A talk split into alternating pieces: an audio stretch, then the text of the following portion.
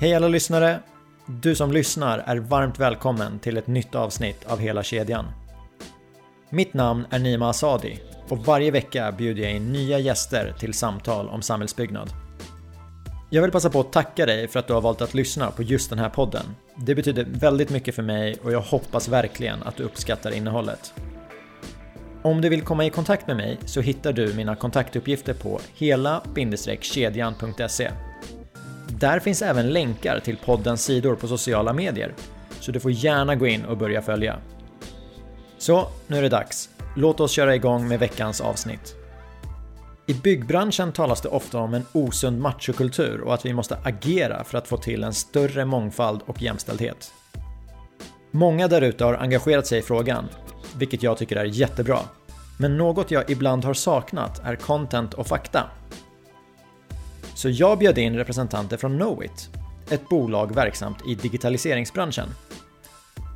Och då kanske ni undrar, varför bjöd jag in just dem? Jo, för Knowit har på fem år gått från att ligga på Allbrights röda lista, en lista som handlar om jämställdhet, till att 2018 placera sig på andra plats när samma företag rankade Sveriges mest jämställda börsbolag. De vet vad som krävs för att lyckas med ett förändringsarbete och de vet även vilka effekter som kommer av att aktivt arbeta med jämställdhet. Låt mig presentera Helena Tronner och Per Valentin.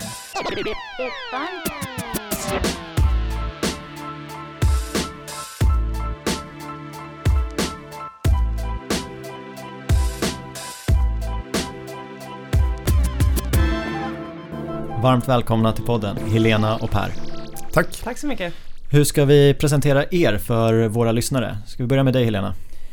Ja, jag är psykolog, eh, specialist inom arbets och organisationspsykologi som handlar om hur man får den mänskliga faktorn i organisationen att fungera på ett bra sätt. Så att jag är idag eh, VD för ett av dotterbolagen inom Knowit som jobbar med förändringsledning, kulturförändringar och ledarskap.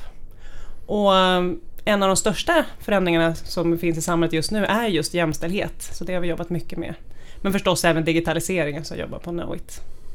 Per? Koncernchef på Knowit sedan nio år. Varit i konsultbranschen i nästan 20 år. Innan dess var jag utbildad eh, byggare, arbetsledare, platschef och även jobbat lite grann som snickare. Så att eh, jag känner mig nära samhällsbyggnadsbranschen. Jag tänkte det, för min nästa fråga är så här, men Knowit, vad är det för sorts bolag och vad har Knowit för koppling till samhällsbyggnadsbranschen? Ja, förutom min bakgrund som snickare då så har vi ett antal kunder inom branschen och eh, jag tror att den här branschen står inför ganska stora förändringar både kring eh, kulturell utveckling och kring digitalisering och där tror jag att vi kan hjälpa till ganska mycket. Temat för dagens avsnitt är ju förändringsledning men också fokus på jämställdhet för där har Knowit haft en fantastisk resa på fem år från Allbrights röda lista till toppen. Om vi börjar med Allbrights lista, vad är det för någonting? Allbright eh, är ju en oberoende stiftelse som går ut varje år och ser över de börsnoterade bolagen och delar in dem i den gröna och gula och röda listan beroende på hur jämställda man är. Så att ligger man på den röda listan kan man säga att man borde skämmas lite för då är man inte ett särskilt jämställt bolag. Var det det som fick Knowit att eh, påbörja förändringsresan eller vad fanns det för anledning?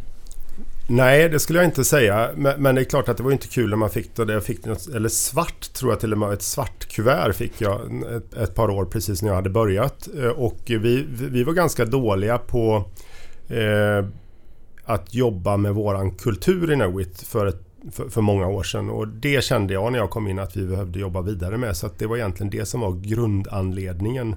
Det var dels någon slags rättviseaspekt. Det vill säga att jag var även fall jag då var chef så insåg jag att det var nog så att det var lite olika villkor för olika typer av medarbetare på Knowit och det kändes inte riktigt eh, gott i magen rättvisemässigt. Och sen så när vi började titta och fundera lite grann mer på vad är det egentligen vi vill leverera till våra kunder eller tillsammans med våra kunder så insåg vi det att vi var för vi var lite för grabbiga, vi var lite för mansdominerade och vi hade inte tillräckligt många olika perspektiv för att kunna skapa en bra leverans.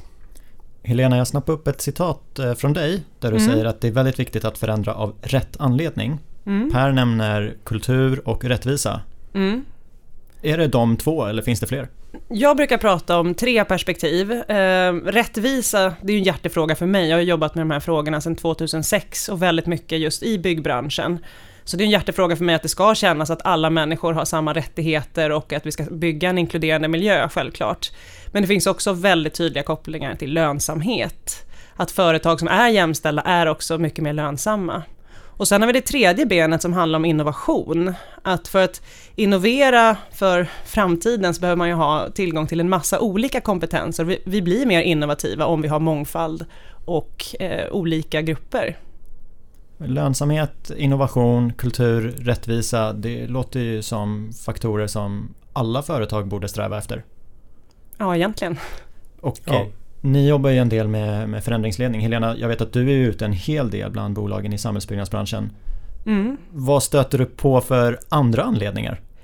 Något som jag ofta hör i byggbranschen faktiskt, är att man säger att det blir så mycket trevligare när det är en jämställd kultur. Och det är ju, det är ju bra förstås, att har man en balans mellan män och kvinnor så blir det trevligare rent socialt. Men för mig så räcker inte det, för då blir det lite nice to have och inte need to have. Jag vill att man ska prata om kompetenser och vad det faktiskt ger affären också, mer än att det bara ger trivsel. Per, när Knowit beslutade att, eller när du var med och beslutade om att eh, vi ska, vi ska få ordning på det här. Mm. Vad eh, kultur, rättvisa, hur mycket var du, tryckte du på lönsamheten för att få med dig gänget? Vi, nu ska vi säga så här att eh, vi körde faktiskt ett projekt redan för 8, 7, 8 år sedan någonting sånt där som inte gick så bra. Och sen så har vi kört, eh, dratt igång och jobbat med våra, våran jämställdhet för fyra år sedan och, och, då lyckades vi bättre. Det kommer vi nog in på lite senare. Men när, när vi började eh, redan för 7-8 år sedan så skulle jag säga, så för mig i alla fall så var det så att jag, det var rättvisan eh, som började och sen så när vi började inse eh, att det fanns andra möjligheter kopplat till att Eh, Eh, ett mer inkluderande klimat helt enkelt gjorde att folk gjorde bättre leveranser på olika sätt och precis som Helena sa kopplat till innovation och kopplat till att man har olika perspektiv på saker och ting och då, då, blir det liksom mm, Det svåra med det vi levererar kopplat till digitalisering är ju inte bara teknik utan det är ju också att förstå hur människor fungerar. Det är nästan alltid så att när det går fel när man bygger ett system och det tror jag är allmänt känt så är det inte att vi har byggt ett tekniskt felaktigt system utan det är att vi har byggt ett tekniskt felaktigt system i förhållande till hur människor vill använda det. Så därför är det, var det otroligt viktigt för våran bransch nu när digitaliseringen går snabbare framåt i samhället att faktiskt kunna ta in olika perspektiv och förstå hur människor fungerar. Jag har ett eget exempel som jag har nämnt i poddserien och det var någon gång för 4-5 år sedan när jag satt i ett rum med ja, men det var ju, fanns ju en mångfald i rummet, vi hade olika bakgrunder och tillsammans kom vi på någonting som jag kände efteråt att jag hade aldrig kommit på det här själv och jag hade heller inte kommit på det här med mina närmaste vänner. Men jag har ju alltid varit för jämställdhet och mångfald. Men det här var annorlunda för mig för att jag fick någon så insikt att det är så här jag ska jobba framåt. Och så tänker jag tillbaka på skolgången. När, var, när det var skolarbeten. Jag valde ju mina kompisar. Så den här insikten av att det blir bättre kan det vara så att väldigt många inte har upplevt hur mycket bättre det blir med mångfald för att man inte har jobbat så tidigare? Det, det, tror jag definitivt. Jag tror också det att det är jobbigare. Därför att om du ska prestera mer, det vill säga att du ska hitta på något helt nytt, innovera eller du ska skapa en bättre leverans till kunden för vi som är konsulter. Så är det klart att det är mycket jobbigare än att göra exakt samma sak som man gjorde förra gången. Det är ju inte lika enkelt att träna på nya saker som på gamla saker. Så att, eh, och då, som människa tror jag det är väldigt vanligt att man funkar på det sättet, att man gör det som enkelt. Och där kan vi också lägga till att grupper som är väldigt likartade eh, i sin utformning de är ju lättare att samarbeta i till en början. Så att man ska inte tro att man bara man skapar mångfald så kommer det fungera helt oproblematiskt. Man måste lägga lite energi på att bygga det teamet. Men gör man det så har man ut det tiofalt i slutändan. Det här med jobbigare, då tänkte jag genast på att eh, någonting jag fått höra i byggbranschen är det så här, men så här har vi alltid gjort. Och vi har alltid varit lönsamma. Sen kan man ju ifrågasätta om 2% på sista raden är tillräckligt. Men eh, det är mer än noll. Och då kanske man vill göra som man alltid gjort. Och så kommer det någon som säger så här, nej men ni har ju inte råd att inte arbeta med jämställdhet. Fattar ni inte det?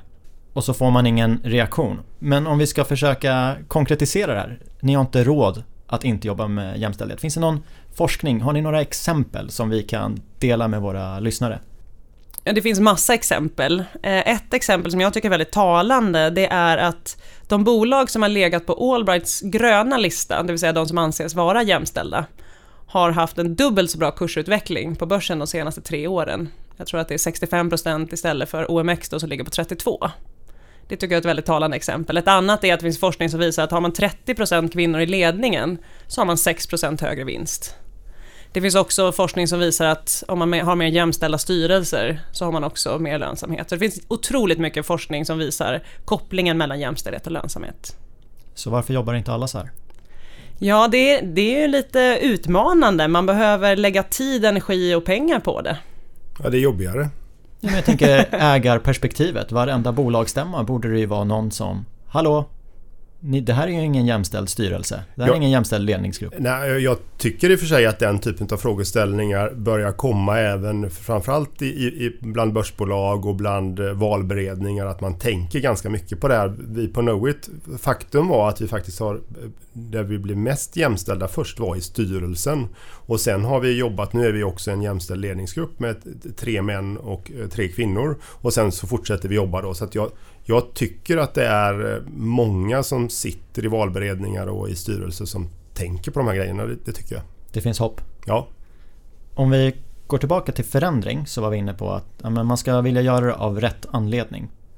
Vad är nästa steg för att kunna genomföra en lyckad förändringsresa? Här skulle jag nästan vilja att Per drar Knowits resa, hur vi kom in på det här faktiskt. Ja, men jag kan inte få börja med att berätta hur man inte ska göra. För det har vi testat också. Eh, och det var också jobbigt och dessutom gav det inget resultat då. Så att det, det, det, det när, när jag tillträdde som koncernchef, Knowit är ett fantastiskt företag och var det redan då. Vi var väldigt decentraliserade, mycket entreprenörskap, mycket engagemang. Men det fanns några grejer som skavde tyckte jag kopplat till grabbighet och att vi var Eh, eh, lite för mycket fokuserade på att göra samma sak som vi hade gjort förut och, och teknikfokuserade bara och vi ville gå mot digitalisering och människan. Så att då bestämde vi oss för att vi tar tag i den här frågan i ledningsgruppen och eh, en sak som man inte ska göra då, vilket vi gjorde, det var det att vi hade egna idéer kring hur vi skulle tackla frågan. Och det låter ju jättekonstigt när vi själva jobbar som konsulter och lever på att förstå att det är eh, kompetens och råd som är värt någonting då. Men det, vi gjorde inte så utan vi hade idéer kring att det viktigaste är the numbers game. Det vill säga att vi rekryterar tillräckligt många kvinnor så kommer detta lösa sig själva. Eh, och, och, det gjorde det ju naturligtvis inte för vi lyckades inte rekrytera fler kvinnor. Och vi hade massa idéer för hur vi skulle göra det här och testade massa olika sätt. Och, och inget utav dem funkade. Så efter ett och ett halvt, två år så eh, sopade vi det där projektet eh, bak någonstans i byrålådan och började jobba vidare. Och jag ska säga det att under den här perioden så hade vi lyckats med massa andra saker. Vi ökade lönsamheten och tack vare att vi var fokuserade på frågan så skulle jag säga att kulturen ändrade sig till viss del ändå. Men, men det här gjorde ingen nytta helt enkelt då. Och sen så gick det ett par år och vi kände fortfarande det att den här frågan var en viktig fråga. Vi var fortfarande alldeles för få kvinnor både i ledande ställning och totalt sett på Knowit och vi insåg det att våran bransch går mot att man måste förstå hur människor fungerar totalt sett mer än vad vi behövde för 10-15 år sedan där det var väldigt stort teknikfokus. Så vi kände att det här måste vi göra. Och då gjorde vi någonting som var väldigt bra. Då bestämde vi oss för att lyssna på experter som kunde någonting om förändringsresor, kultur och specifikt genus och kultur ihop. Då. Och då tog vi faktiskt in ett antal olika personer som kunde mycket och, och lyssnade på dem. Och precis, det var i samma veva som Helena hade börjat jobba på Knowit i vårt bolag som jobbar med förändringsledning. Så vi bestämde oss för att jobba tillsammans. Och då fokuserade vi inte på the numbers game utan vi fokuserade på att ändra kulturen så att alla människor känner sig välkomna och kan göra ett bra jobb. Och sen har det fått i effekt att vi har lyckats få in fler kvinnor i Knowit på ett, på ett annat sätt helt enkelt. Ändra kulturen, hur gör man det? Det får Helena berätta. Ja, det finns väl några viktiga komponenter i det. Eh, vi går aldrig in och jobbar med ett företag om vi inte får högsta ledningen med på tåget. Så det första vi sa när vi hade vår dialog var att då måste vi börja jobba med koncernledningen. Och då vet jag att du Per tänkte att det var de andra som behövde ja. hjälp, inte du. Nej men så var det faktiskt. För, för jag det satt jag, som man alltid gör, det tror jag, det är väl inte bara jag som har gjort det felet. Att ja men vad bra att hon berättar detta för då kan de andra lyssna på det här. Och sen så fick vi faktiskt en övning som var eh, att vi skulle gå och skriva ner de informella möten vi hade haft med människor i vår organisation. Alltså inte de formella mötena där vi ändå träffas utan där jag pratar med folk vid, eh, vid kaffemaskinen eller när jag träffar någon i korridoren och sådär. Vilka är det och hur, hur många och sådär. Och då när jag hade gjort det och tittat på två månader bakåt i tiden så insåg jag ju det att jag jag pratade nästan bara med män, eller mest med män i alla fall. Och framförallt med män som hade samma intressen som jag hade dessutom. Jag gillar mountainbike och windsurfing. Så det var windsurfande mountainbike-cyklister som jag pratade mest med. Och det, det kändes ju sådär. Så jag insåg att jag också måste börja förändra mitt beteende. Och det är det är ju det som är ledningens engagemang. Att vi, vi inte bara är engagerade utan vi måste jobba med oss själva.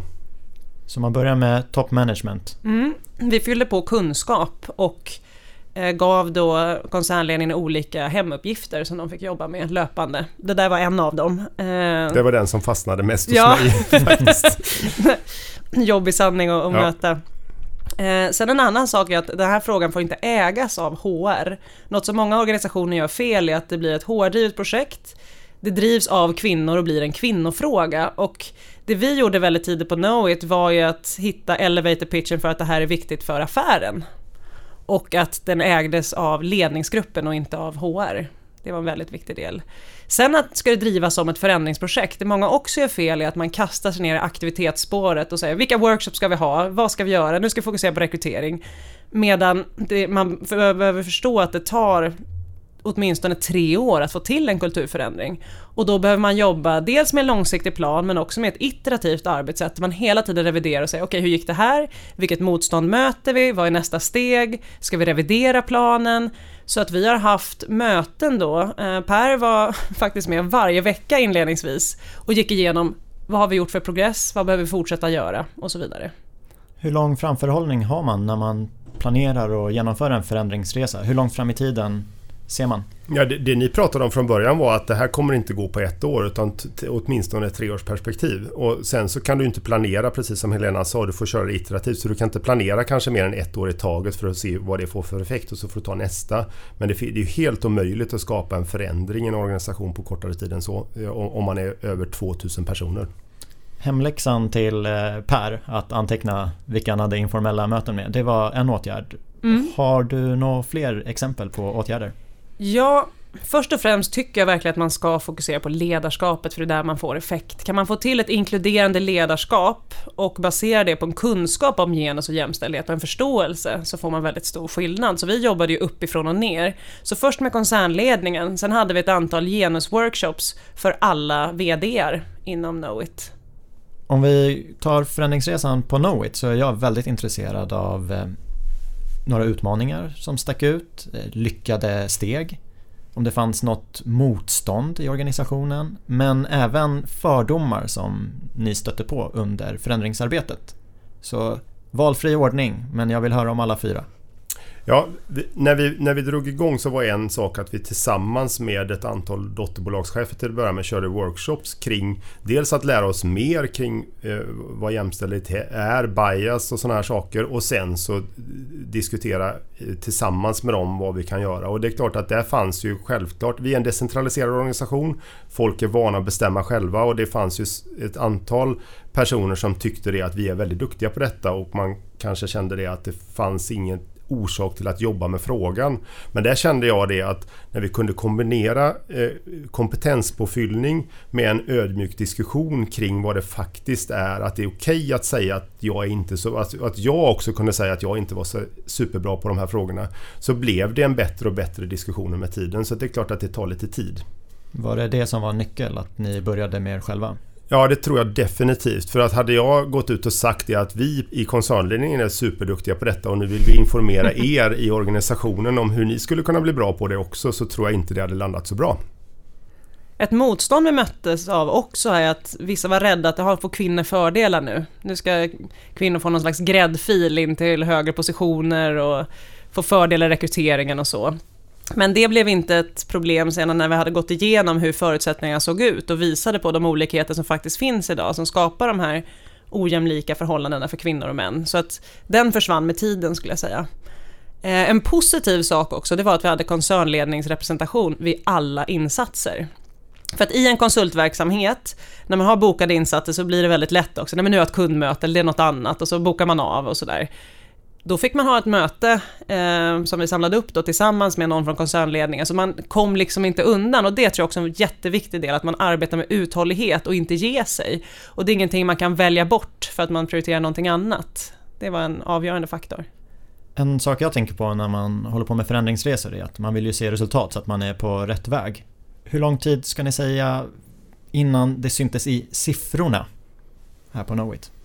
Vi såg det efter kanske ett och ett halvt, två år och eh, det gick lite snabbare vad det gäller att vi ökar mängden både lönesättande chefer som var kvinnor och eh, mängden kvinnor totalt sett. Det gick ganska snabbt uppåt på de här ett och ett halvt, två åren. Och då ska man säga det att under den tiden så hade vi egentligen inget fokus på att nu ska vi banne mig ut och rekrytera kvinnor utan vi hade ett fokus på kultur. Så jag blev nästan lite förvånad med tanke på att jag bara tre fyra år tidigare hade haft mål på att vi ska rekrytera fler kvinnor. Det hade inte hänt överhuvudtaget. En annan sak jag tänker på är det geografiska. Inom bygg så får man också alltid höra att nej men en förändring det är svårt, vi sitter inte på ett och samma kontor, vi har massa arbetsplatser runt om i landet. Knowit finns ju i hela Norden. Hur har ni jobbat med den geografiska utmaningen? Vi, vi, har, vi har kört de här workshopsen per ort och inte per affärsområde. Och, så att folk som jobbar till exempel i Göteborg eh, och som är ledare i Göteborg kan prata med varandra. Och jag tror att det är väldigt viktigt. Vi vill inte vara en centraliserad organisation. Vi vill fortsätta vara decentraliserade och då ska vi jobba med den här frågan decentraliserat också. En annan aspekt är att när vi jobbar i Norge respektive Sverige så har vi gjort lite olika åtgärdsprogram beroende på att vi har olika kulturer. Så att i Sverige har vi gjort på ett sätt och i Norge har vi gjort lite annorlunda. Hur skiljer sig kulturen mellan Norge och Sverige är en följdfråga. Jag skulle säga att norrmännen är väldigt duktiga på att komma till action. Om man tittar på deras lagstiftningar, till exempel om kvotering, så går det väldigt fort. Eller att de beslutar om lika löner för eh, manliga och kvinnliga idrottslag och liknande. De är väldigt snabba att göra saker. Medan i Sverige har vi en lite längre process innan vi kommer till konsensus och diskuterar eh, frågan. Och det märker man ju i media, om inte annat, att det är mycket debatt i Sverige. Eh, så att där vill man gärna se actions och vi jobbade lite, samtidigt ska jag säga att vi har kommit lite längre i att problematisera kring genus i Sverige än i Norge. Per nämnde att eh, det började synas i siffrorna efter ett och ett halvt, två år. Men har du något minne Helena efter någon workshop eller något veckomöte där du kände att vi är verkligen på rätt väg nu? Någonting som jag brukar se som en positiv eh, del i det här, det är när man får personer som har varit, särskilt vita medelålders män, som är normen, som har ett privilegierat sätt för att de är normen, som inser att det finns någon annan som är avvikare och det kan ha andra effekter. Och börja se sina egna beteenden, börja reflektera, börja ställa frågor och vara utforskande, då vet man att då är man på rätt väg. Och en annan positiv aspekt av det här var ju att de grupperna vi arbetar med, ledarna, var ju maxmixade. Så helt plötsligt började det bli dialoger mellan ledare som kanske inte haft lika mycket kontakt tidigare, för vi mixade ju ändå cheferna ganska friskt i de här grupperna, vilket blev väldigt bra dialoger som inte bara handlar om, om genus utan också om ledarskap i stort, som jag tror också har varit väldigt hjälpsamt. Om vi försöker koppla det vi precis pratat om till byggbranschen så får man ju ofta höra att ja, men det finns en machokultur. Det finns betydligt fler män än kvinnor i byggbranschen. Finns det några andra branscher där det är tvärtom? Och pratar man om någon motsvarighet till machokultur då? Eh, om vi börjar med våran bransch, digitaliseringsbranschen, så skulle jag säga att vi hade det till viss del för ett antal år sedan, men inte alls på samma... Jag har ju varit i byggbranschen, nu var det kanske 20 år sedan i och för sig då, för, för vi var, var, redan mer jämställda. Men den, en viss machokultur har vi haft i våran bransch också, eller delar av våran bransch, och där har vi fått jobba med det. Och något som är intressant vad forskningen visar är ju att när kvinnor jobbar i mansdominerade organisationer så råkar man ut för ett glastak, det vill säga att man kommer oftast inte över en viss position. Och vad den positionen är, det kan se lite olika ut i olika branscher. Men det som är intressant då, för att skulle det vara helt jämställt så skulle det vara tvärtom då, om män jobbar i kvinnodominerade branscher. Men faktum är, för män som jobbar då i kvinnodominerade branscher så får de snarare en glashiss, de gör snabbare karriär. Så det är här vi ser en tydlig skillnad. Och vad är teorierna kring att det är så? Att man tänker att män vill göra karriär, men gör antaganden om mäns karriärutveckling och det gör att de gör en snabbare karriär. Det bara kom på det att vi, det var för, för, ett par år sedan så ställde vi faktiskt den frågan internt eh, om man vill ta nästa steg och bli chef och då visade det sig, vilket var en nyhet för oss i ledningen, att det var en större andel kvinnor som svarade ja på den frågan i Knowit än vad det var män. Men det intressanta är, sen ställde vi följdfrågan. Hur lång tid tror du du behöver, ut, har du tillräcklig kompetens för att eh, bli chef och hur lång tid behöver du ha för att bli chef? Och där hade kvinnorna mycket längre tid och de bedömde ju sin kompetens som mycket lägre. Ja, där har man ju hört att män är jag vet inte om man säger duktigare, men de brukar överskatta sin förmåga och på kvinnor tvärtom. Har vi siffror på det? Ja, ungefär 30% när man har gjort studier där män och kvinnor gör samma typ av uppgifter och sen efteråt frågar man hur gick det här? Så brukar kvinnor skatta sig ungefär där de ligger eller lite lägre än vad de faktiskt presterar, medan män i snitt skattar sig 30% över. Och det är det här som är så farligt, för det här skapar ju väldigt olika kommunikationsstilar kring sin prestation. Som en frågar en kvinna, klarar du av det här? kan hon säga, jag vet inte, vad tror du? Och så säger man absolut, det är klart jag kommer klara det. Och då tänker man som han är redo att kliva in i rollen, men det är inte hon. Men det man faktiskt mäter då, det är inte prestation, utan det är självhävdelse. Och det är män bättre på. Det ligger mer naturligt i könsrollen. Och som kvinna så straffas det lite om du håller på med självhävdelse, för då råkar du ut för ett bias som heter trevlig eller kompetent-fällan.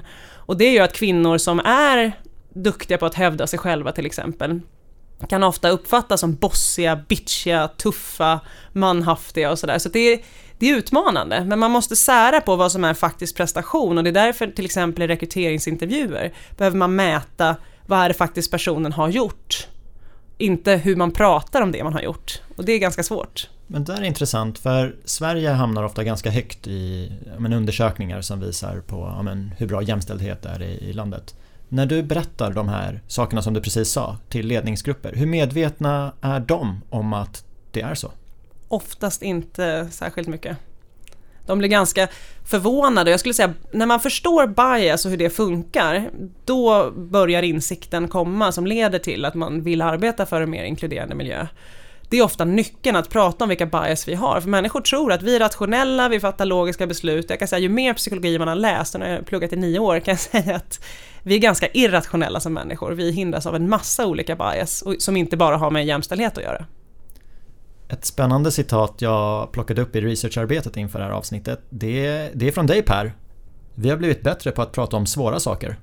Det får du jättegärna utveckla vad du menar med det när vi satte oss ner och pratade om de här, hade de här workshopsen tillsammans i början så, så, så det, det, är klart det blev lite stel stämning, det var lite jobbigt. Jag tyckte det var jobbigt att prata om de här sakerna. Eh, jag tror själv att jag har blivit bättre på, på att prata om svåra saker och jag tror att hela vår organisation har blivit det. Och vad händer då? Jo, det, det som händer är ju det att vi eh, tar tag i de där älghuvudena som ligger på bordet och pratar om dem snarare än att prata runt det. Det blir mindre politiskt och vi kan gå på, på kärnan, på pudelns kärna direkt. Och det, det tycker jag vi har märkt och det skapar ju också lönsamhet. Det är egentligen inte en genusfråga. Det är bara det att genusfrågan är ganska jobbig och svår att prata om så att vi har, vi har blivit tränade på det. Har du några exempel på Ja men i den där situationen, det som kom fram där. ja men jag, jag tänker att jag har flera gånger Det är klart att vi jobbar mycket med lönsamhet och vi har många dotterbolag och om det då Jag, jag har faktiskt, jag ska inte gå in på det i detalj men jag har, när vi har pratat med dotterbolag då som tjänar lite mindre pengar och man funderar på varför så tycker jag bakåt i tiden så har det varit väldigt ovanligt att man som dotterbolagschef har reflekterat över sig själv och sitt eget beteende men det är mycket vanligare nu och det är klart att det behövs för det är ju en del i att skapa lönsamhet. För lyssnarna lär det inte vara någon överraskning att vi tre, vi är väldigt för jämställdhet och mångfald. Men jag tänker ändå att jag ska dra två citat som inte är lika positiva. Och då börjar vi med det ena. Och det är att, men, ett argument man ofta hör är att jämställdhetsfrågan, den kommer ju lösa sig av sig själv. För att det är fler tjejer som läser vidare nu än vad det är killar. Så om några år så kommer det här automatiskt att lösa sig. Vi behöver inte göra några åtgärder alls. Vad är budskapet till det citatet? Jag tänker två saker. Anna Wahl gjorde en eh, statlig utredning på 20 år där hon tittade på jämställdhetsfrågan i Sverige. Och hennes slutsats var att om vi tänker att det här ska lösa sig med nya generationen så det är ett av de största hoten mot jämställdhet i Sverige. Och det tror jag väldigt mycket på för att dels är unga människor ofta väldigt individualistiska och man blir inte duktig på jämställdhet om man inte ser strukturerna. Så hon såg att de äldre cheferna faktiskt var bättre på det än de yngre. Eh, en annan aspekt är ju det att som flickor så socialiserar vi in flickor idag att sträva efter perfektion. Och i skolan är det ofta det som belönas. Att man ska vara noggrann, ordentlig och ansvarstagande och sådär. Pojkar socialiserar vi in i att ta risk och i arbetslivet så är det ofta det som krävs, att man ska ta risk. Så det är två ganska olika beteenden. Och sen har vi också en skillnad i självförtroende som blir utmanande. När till exempel barn ska lära sig att skriva kod. Så om det blir fel på koden så kan pojkar säga, ja men det är något fel på koden. Medan flickorna säger, är det något fel på mig? Och här tror jag vi att har en utmaning i att rekryteringssammanhang så är det ofta nätverk som är avgörande, där är nä- män som nätverkar med män. Vi har också att självhävdelse är jätteviktigt i rekrytering och så vidare, så mycket är baserat på en manlig norm, vilket inte är konstigt för historiskt sett så var det bara män nästan i arbetslivet. Men det är mycket av det som lever kvar. Värt att tänka på. Absolut. Ett annat citat som kanske inte blir korrekt återgivet, men det finns en känd eh, psykologiprofessor som heter Jordan B. Peterson. Och han eh, säger någonting i stil med att men det kan inte vara jämställt överallt för att män och kvinnor har i sitt DNA att de intresserar sig för olika saker. Så vissa branscher kommer det vara fler män och vissa fler kvinnor. Det kan inte vara jämställt överallt. Jag, jag, tänker inte gå in i att eh, diskutera vad som är genetiskt och vad som är socialiserat. Det, och för mig är det lite ointressant. Utan det som är intressant när vi tittar på digitaliseringsbranschen så behöver vi olika perspektiv. Så vi, och, och det svåra för oss är att bygga saker för människor. Så vi måste ha olika människor med olika erfarenhet av samhället för att kunna göra detta. Så för oss är det ganska enkelt om man, om man bara stoppar där. Sen så tror jag också det att Eh, oavsett om, om det då är genetiskt eller om det är socialiserat så är det klart att vi har ju väldigt olika förutsättningar. Jag är jag är lång, jag är 1,96 lång och, och då finns det ju forskning på att det är fler mm, eh, män framförallt då, eller långa personer som blir VDar. Det är Eh, en massa olika situationer som säkert fungerade för hundratusen år sedan eh, som vi försöker socialisera bort på olika sätt. Jag menar, vi har ett rättsväsen idag, man slår inte ner varandra när man blir sur på varandra. Det är klart att våra, även om det då skulle vara vissa grundinstinkter som vi har som individer så, det, så hittar vi olika sätt att förändra dem så att det fungerar i vårat samhälle. För mig är det ganska självklart att vi jobbar med den här frågan också. Och jag håller med dig, så vi får se vad lyssnarna kommer in med för reaktioner på det. Ja, och framförallt när man jobbar med teknikutveckling. De bias vi har som människor visar sig också i tekniken. Så ska vi utveckla en AI som fungerar, då behöver vi ju faktiskt ta hänsyn till de bias vi själva har. Annars blir det de här problemen som man har mött i olika sammanhang. Ja, men jag tycker Knowits förändringsresa är väldigt spännande att läsa om och det har varit jättespännande att prata mer. Jag tänker om vi ska försöka sammanfatta den jag vet att det är svårt att sammanfatta massa års arbete, men går det att lista några åtgärder som ni jobbade med? Vi har ju nämnt det vi har gjort inom ledarskap, men vi jobbade även med processer, till exempel att se över rekryteringsprocessen, ta fram en formaliserad rekryteringsprocess och rekryteringsrekommendationer för att man ska kunna ha en inkluderande rekrytering. Vi jobbade även med övriga processer, eh, såg över jämställdhetsplanen, Eh, vi jobbade med hantering av diskriminering och sexuella trakasserier och liknande. Vi hade ett speciellt program som riktade sig åt kvinnor som heter Grow, som fortfarande går. Vi jobbar också med ett omvänt mentorskap, där i vanliga fall när man har mentorskap så är det ju en äldre man som ska vara mentor då kanske åt en yngre man eller yngre kvinna. Vi gjorde precis tvärtom, så vi tog yngre kvinnor som var mentorer åt äldre män och vice versa. Så Per fick en ung mentor Mm, det stämmer och det var superintressant för när man sitter som chef, jag tror alla chefer oavsett vad man har för roll som chef så hamnar man lite grann i en bubbla där man inte får reda på allt eller har koll på allt eller förstår vad, vad organisationen tycker och tänker och funderar på. Så det, det var ju det var både en, en jämställdhetsgrej och faktiskt en eh, sak att förstå hur, vad yngre personer i vår organisation tänker på. Och sen hade vi förstås massa kunskapshöjande åtgärder i hela organisationen. Det som jag tycker är spännande att fråga om det är ju dels de här medarbetarna som varit med under förändringsresan. Om ni sitter och pratar nu, vad, vad får ni för reaktioner när man kan vara lite ärlig så här, i, i efterhand? Och sen så undrar jag också, de medarbetare som ni rekryterar idag, hur mycket av anledningarna till att de överhuvudtaget börjar på Knowit som ni kan se att ja, hade vi inte gjort det här arbetet då hade inte de här personerna börjat. Det man kan säga är att vad gäller millennials så läste jag en studie som visar att 45% av millennials kollar referenser på bolaget de söker jobb hos och tittar, arbetar de med jämställdhet och mångfald? Så det säger ganska mycket om den nya generationen som kommer, att det är en viktig fråga och där tror jag vi har en fördel av att vi har gjort den här resan. Vi har varit duktiga på att rekrytera mycket folk. vi har haft en högkonjunktur i vår bransch i 4-5 år. Vi har använt den till att eh, göra mer spännande saker åt, åt, våra kunder och att växa organiskt genom att rekrytera. En av orsakerna till att vi har lyckats rekrytera det är ju våran kultur. Och de befintliga medarbetarna då? Vad, vad har vi de för reaktioner? Är, de är, vi gör ju medarbetarundersökningar två gånger per år och vi ligger väldigt högt i hur våra medarbetare rankar eh, sitt jobb på Knowit, hur de gillar att vara på Knowit och hur de faktiskt rekommenderar Knowit för sina vänner och eh, släktingar. Och där har vi också fått utmärkelser från Universum. Mm. Som ändå skattar oss som en av Sveriges mest populära arbetsplatser vad gäller svenska konsultfirmor. Ni startade en förändringsresa. Den har gett eh, resultat. Ni har genomfört en rad åtgärder. Är resan fortfarande pågående? Vi driver fortfarande det här projektet. Vi, har, vi, är mitt i projektet i Norge nu till exempel. Men det är klart att nu har vi snart kört i tre och ett halvt, fyra år. Och den stora utmaningen nu tror jag är som, som i alla sådana här projekt. Hur får vi detta att bli en del av vår organisation i vardagen? Och det tycker jag nästan är ännu svårare än att dra igång och driva projektet. Och vi kanske kan återkomma till det någon gång i framtiden hur vi har lyckats med det. Men det, det är andra saker som krävs för att få det att funka. Ja, ni är båda två välkomna tillbaka. Det här är ju ett ämne som jag brinner för och vill lära mig mer om. Så det kan vi nästan sätta en eh, notis i kalendern några år fram. Tre år. Tre år? Mm. Om hela kedjan finns kvar då så ses vi 2022. Det ser jag fram emot. Tack för att ni var med och gästade det här avsnittet. Tack så mycket.